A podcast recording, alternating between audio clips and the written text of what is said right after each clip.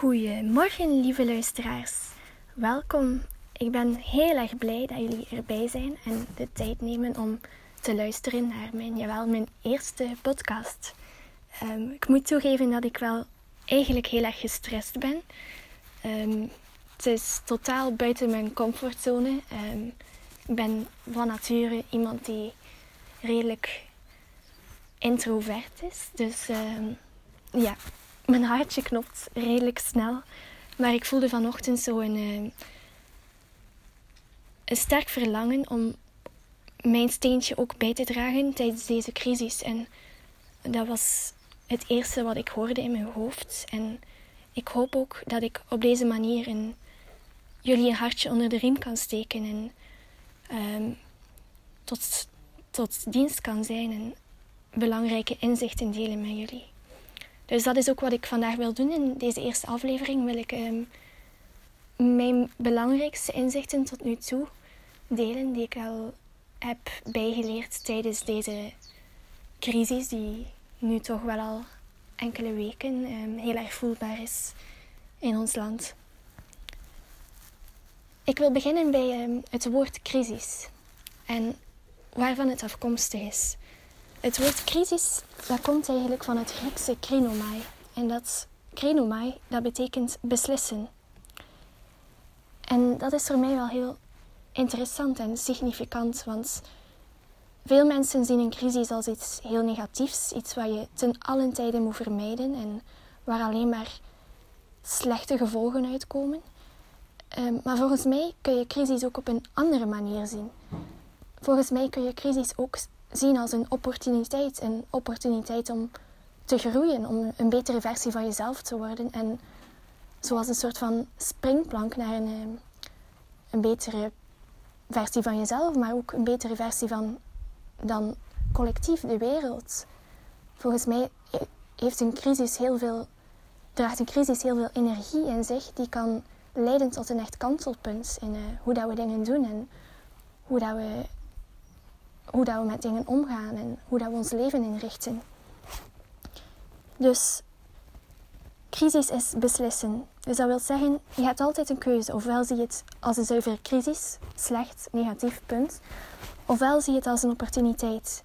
Een opportuniteit om nog verregaander lief te hebben. Om lief te hebben en dicht bij jezelf te blijven. Ondanks alles wat er gebeurt. Ondanks de vele... Ondanks alle angst um, die we rond ons zien momenteel ook. Ondanks de behoefte aan eigenbehoud die we ook zien, ondanks alle beelden die we op tv meekrijgen, de angst die we voelen, ehm, de onzekerheid, het helemaal door overhoop halen van onze routines, de leegte die daarvoor in de plaats kan komen. En om het een beetje duidelijker te maken, wil ik er een persoonlijk voorbeeld bij brengen persoonlijk voor mij ehm, was um, een van de dingen die ik moeilijk vond ehm, een paar weken geleden was de lockdown en de maatregelen die dat met zich meebracht, waardoor dat ja, we nu niet echt meer veel kunnen doen buiten ons huis en allemaal eigenlijk een beetje gedwongen worden tot een heel sedentair leven.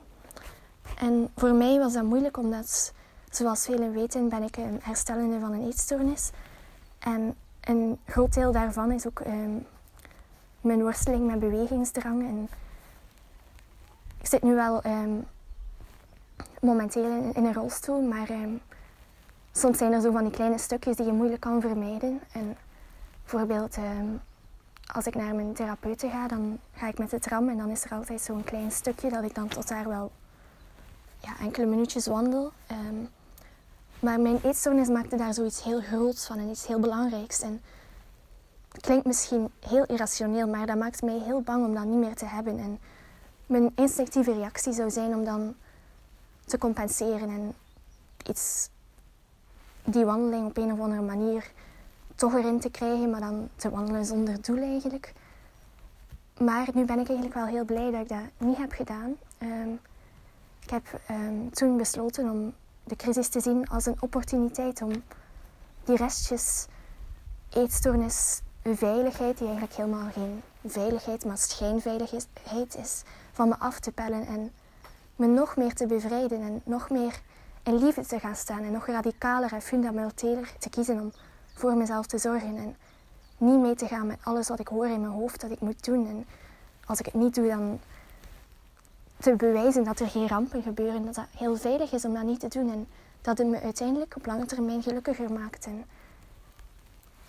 ja, op die manier ben ik dus eigenlijk al gegroeid, maar ja, ook in andere dingen. Bijvoorbeeld ehm, dat ik merk nu dat ik eigenlijk wel veerkrachtiger ben dan ik lange tijd heb gedacht. Ehm, dat ik al veel duisternis van de meest heftige soort heb meegemaakt. Bijvoorbeeld, ja, eetstoornis is gewoon iets heel, um, iets heel um, vreeds en kwaadaardigs. En, maar dat, is, dat zou dan zijn voor een, een volgende podcast. Maar ik merk van mezelf dat ik echt aan het groeien ben momenteel. En ik wil jullie uitnodigen om dat ook te doen. Om nog meer in liefde te gaan staan en te verbinden. En om dit te gebruiken als opportuniteit. Het volgende wat ik wou zeggen is um, dat ik merk dat er in deze tijd een um, grote groei is van uh, de angst. Ik zie de angst heel erg verscherpt worden. Um, mensen die tegen elkaar gaan concurreren als het ware, die alleen aan zichzelf denken. Dus dat aspect wordt wel heel erg, komt heel erg aan het licht nu. Maar op dezelfde manier merk ik ook dat het licht in ons heel erg aangescherpt wordt. Als ik dan zo die initiatieven zie van mensen die taart bakken voor de hulpverlening of doeken aan hun venster hangen of boodschappen gaan doen voor de mensen die het niet kunnen of kaartjes sturen, etc. etc. Dan verwarmt dat mijn hart zoveel en ik word daar dan zo blij van en zo hoopvol. En aan ons is het nu de keuze: ga ik bijdragen aan die liefde of ga ik bijdragen aan de angst? En wat kan ik doen om bij te dragen aan die liefde? Want vaak denken we dat we te klein zijn om een verschil te maken. Maar dat is niet zo. Dat is pure waanzin. Iedereen kan een verschil maken. Echt iedereen. Je bent nooit te klein om een verschil te maken. Al is het maar de glimlach die je schenkt aan een persoon die je op straat ziet, kan de dag van de ander helemaal veranderen. Wie weet zelfs heel zijn leven veranderen. Dus alsjeblieft, geloof nooit dat je te klein bent om een verschil te maken. Er is altijd iets dat je kunt doen. Je kunt altijd bijdragen aan de collectieve groei van liefde die we vandaag de dag heel erg zien en heel erg meemaken. Vervolgens ehm, wil ik het hebben over dankbaarheid. Dankbaarheid is iets wat ik altijd wel al, waarvan ik altijd wel al heb geweten dat dat heel belangrijk is en een heel krachtige tool ook om voor ehm, je geluksgevoel en je mentale gezondheid.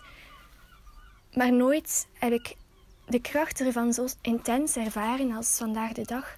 Want er zijn zoveel dingen die vandaag wegvallen, die geannuleerd worden. We kunnen niet meer um, op restaurant gaan, we kunnen geen vrienden niet meer zien. We zijn aan ons huis gekluisterd. Um, heel veel veranderingen. Maar toch, toch blijft er altijd iets om dankbaar voor te zijn. Al is het maar het zonnetje dat zo mooi schijnt de laatste dagen, of de liefde van mijn hondjes. Er is altijd wel iets om dankbaar voor te zijn en ik voel dat ik vandaag juist nog meer dankbaar ben voor de dingen die er echt toe doen, zoals al die mensen die ik graag zie en die wij graag zien. En soms overvalt me dat dan echt en dan krijg ik soms zo tranen in mijn ogen als ik eraan denk hoe mooi dat dat eigenlijk allemaal wel niet is en hoe mooi dat liefde nooit geannuleerd wordt. Liefde overwint alles. Liefde is onoverwinnelijk. Liefde blijft altijd bestaan. En het is zo mooi om daar dankbaarheid voor te voelen. En dat brengt me bij het volgende. Veel mensen ehm, denken dat geluk zoiets is dat je zomaar komt overvallen. En als je geluk hebt, dan ga je misschien een beetje geluk ervaren in je leven. En als je geen geluk hebt, dan ga je verdrietig zijn. Maar eigenlijk is dat niet zo zwart-wit. eigenlijk is geluk iets waar je ook aan kunt werken. Het is niet iets wat je overkomt, maar iets waar je echt actief mee aan de slag moet gaan en je best voor moet doen. En ja, um, iets dat je moet aanboren. Zo um, heb ik geleerd dat um, eigenlijk ondanks al deze omstandigheden, ondanks alle onzekerheid, ook bijvoorbeeld nu heel concreet voor mij, de therapie die nu een weekje wegvalt en eerst dan via Skype was in plaats van in het echt, dat ik ondanks al die dingen toch geluk kan ervaren in mezelf, gewoon in mijn binnenste. Gewoon een geluk, gewoon om de reden dat ik, dat ik leef, dat ik er ben, dat liefde bestaat. En dat is zoiets moois als je dat kunt, um, als je dat kunt beginnen voelen en ervaren, echt. In plaats van dat gewoon zo'n concept is in je hoofd. En dan tenslotte wil ik het nog hebben over, um, over kwetsbaarheid. Um, ik wil beginnen met een quote van um, Boeddha, die ooit zei dat change happens in the blink of an eye dat verandering heel snel kan gebeuren. In positieve zin en in negatieve zin. En wij geven daar meestal dan, leggen meestal de nadruk op de negatieve dingen die heel snel kunnen veranderen. Bijvoorbeeld nu, nu zie je dat in de crisis. De wereld in één dag is totaal anders dan hoe het een maand geleden was. Maar ook omgekeerd is het waar. Het is mogelijk om op te staan en te zeggen tegen jezelf: vanaf nu baseer ik alles wat ik doe op liefde. En wat het ook wordt, hoe ik ook getriggerd word, ik blijf bij liefde en ik blijf bij mezelf. Ik blijf bij wat ik weet dat juist is. En die verandering, ja, die kan plaatsvinden op hele korte termijn.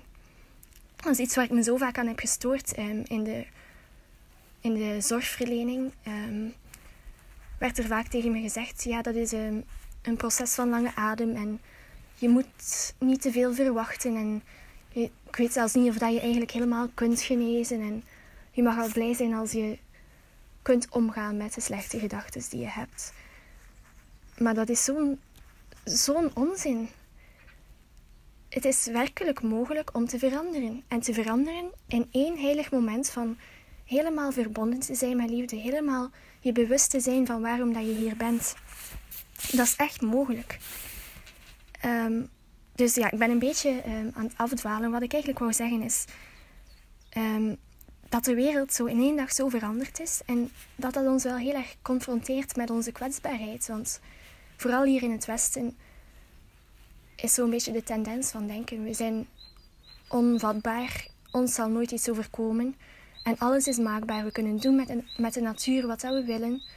en we kunnen daar exploiteren zoveel als we willen ons zal nooit iets overkomen, want wij zijn toch zo beschaafde en intelligente mensen.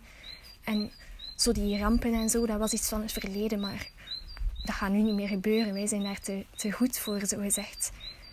En dan, poef, gebeurt er zoiets als corona. En dan zien we dat eigenlijk, hoe, hoe fragiel mensenleven eigenlijk is. En hoe waardevol dat het ook maakt. En daarmee wil ik eindigen. Ehm, Denk vandaag eens bewust en diep na over hoe waardevol je leven eigenlijk wel is en hoe bijzonder, hoe wonder, wat een wonder het eigenlijk is. En een van de dingen die mij daarmee helpt is de gedachte dat de dag zoals ik die vandaag meemaak, die zal nooit meer opnieuw gebeuren. Nooit meer exact hetzelfde zijn. Nooit meer zal ik op exact dezelfde manier dezelfde dingen meemaken als vandaag. Elk moment is uniek. En het leven is te kort en te fragiel om het weg te smijten. Lieve mensen, ik hoop dat ehm, mijn podcast jullie ergens mee heeft kunnen helpen. Um, ik ben alvast wel blij dat ik het gedurfd heb, want dat was toch wel iets heel moeilijks voor mij om te doen. En als jullie het kunnen smaken, dan komt er zeker nog een, eh, een volgende aflevering. Hou jullie sterk, veel goede moed en tot ziens.